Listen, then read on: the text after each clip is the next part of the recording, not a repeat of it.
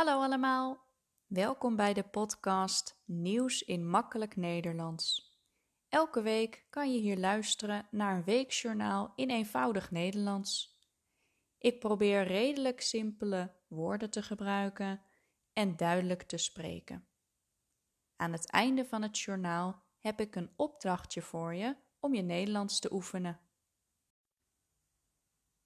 Dit is aflevering 57. Ik vertel over een aantal nieuwsberichten uit de kranten van week 50.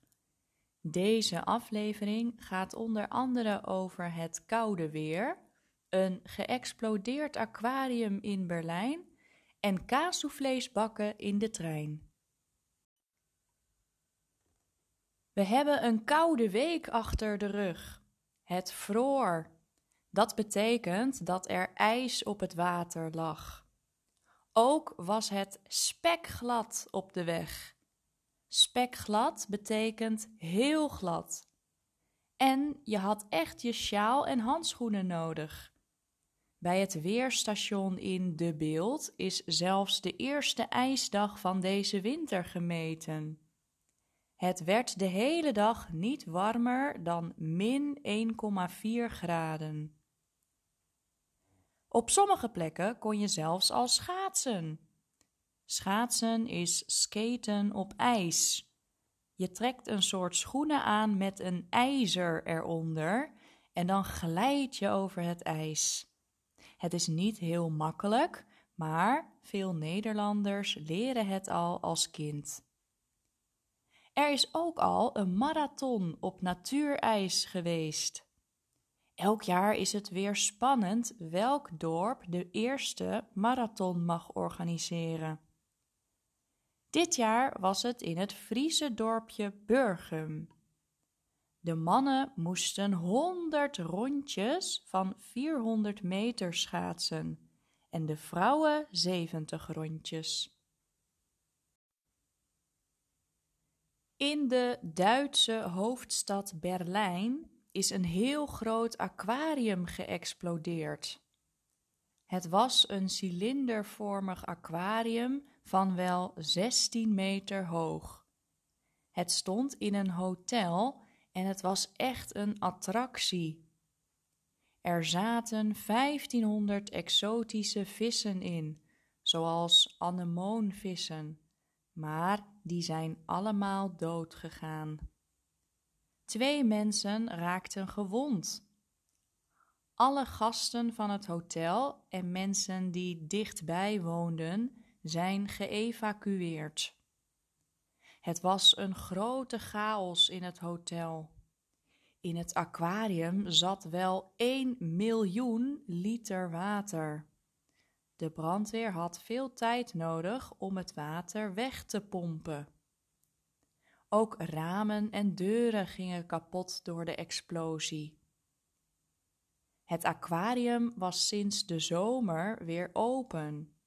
Daarvoor werd het gerenoveerd. Dat kostte 2,6 miljoen euro.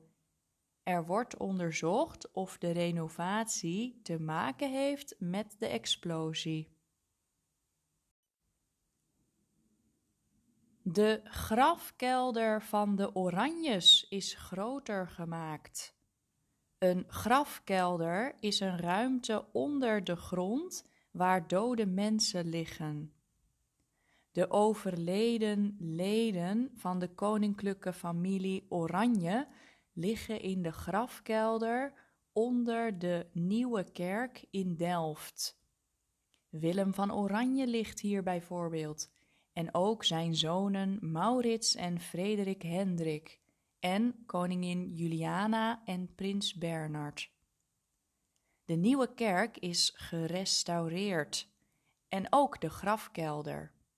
Die is groter gemaakt, want hij werd te klein. Er was niet genoeg ruimte voor nieuwe graven. Dus nu is er meer ruimte gemaakt.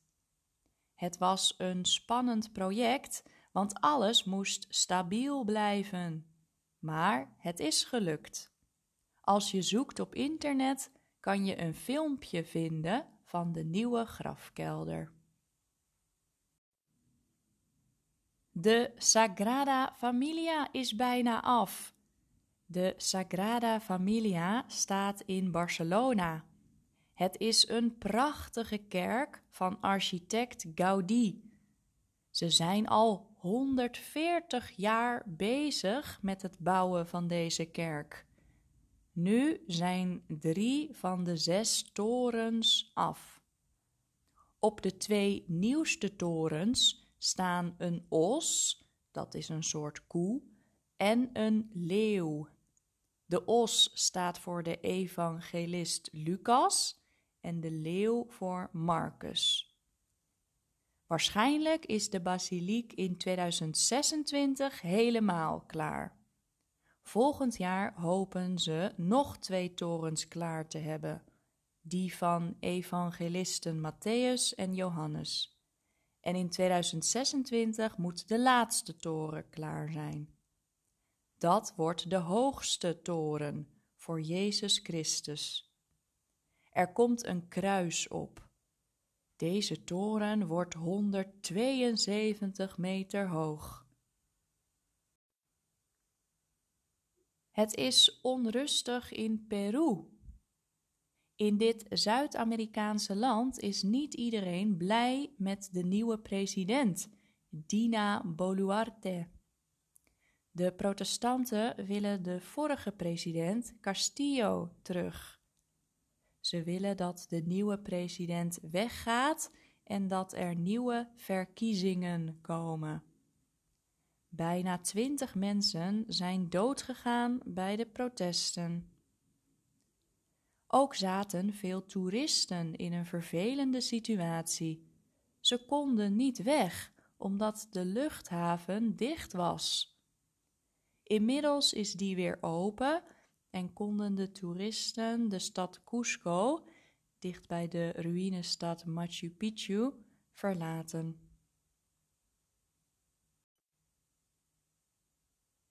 Een man heeft kaassoufflés gebakken in de trein. Hij zat in de trein naar de stad Tilburg en had een airfryer meegenomen. Daarin bakte hij kaassoufflés. Hij had ook een bordje met een servet meegenomen. Hij genoot van de kaassoufflé. De andere passagiers glimlachten en iemand maakte een filmpje. De NS, het bedrijf van de treinen, is niet boos. Maar op Twitter schreven ze dat je beter een snack op het station kunt kopen. Argentinië heeft het WK voetbal gewonnen. Ze wonnen in de finale van Frankrijk. Het werd 3-3, maar Argentinië deed het beter bij de penalties. Dus de Argentijnen zijn de nieuwe wereldkampioenen. Mensen gingen de straat op om feest te vieren. Het is de derde keer dat Argentinië het WK voetbal wint.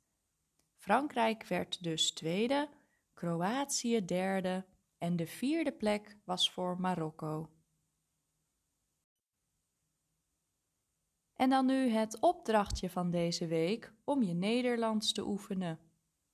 Ik vertelde dat een man kaassoufflés bakte in de trein.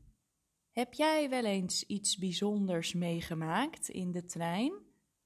Schrijf een kort verslagje en gebruik daarbij de voltooide en verleden tijd. Dat was het voor deze week.